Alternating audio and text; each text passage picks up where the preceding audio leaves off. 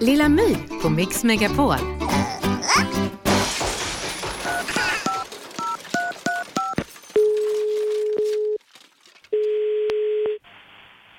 Maria Bang. Hej, jag heter Lilla My. Hej. Har jag kommit till Elevio?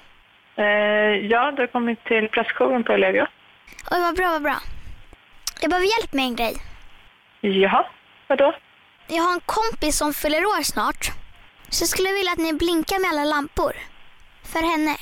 Ja, n- nej, du kan inte blinka med alla lampor som vi har. Ja, men ni har en sån här stor knapp till allting. Så man kan blinka lite.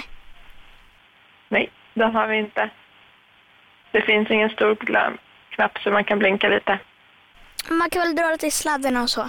Det borde vara så himla fint för henne. En hyllning. Tänk dig själv när du fyller år vad glad du skulle ha blivit. Om det bara blinka. Lite disco. Jag vet inte om jag skulle bli så glad över att det blinkar i lamporna. Men det här är pressjouren på, på Ellevio, så om du tyvärr inte har något, något annat, Ja, men det räcker om det bara är i Karlstad. ja, Det är där hon bor. okej. Och hon fyller jämt. Ja, men Hon fyller faktiskt tio. Ja, men vi har inte näten i Karlstad stad, utan det är Karlstad själv som har dem, Karlstad kommun.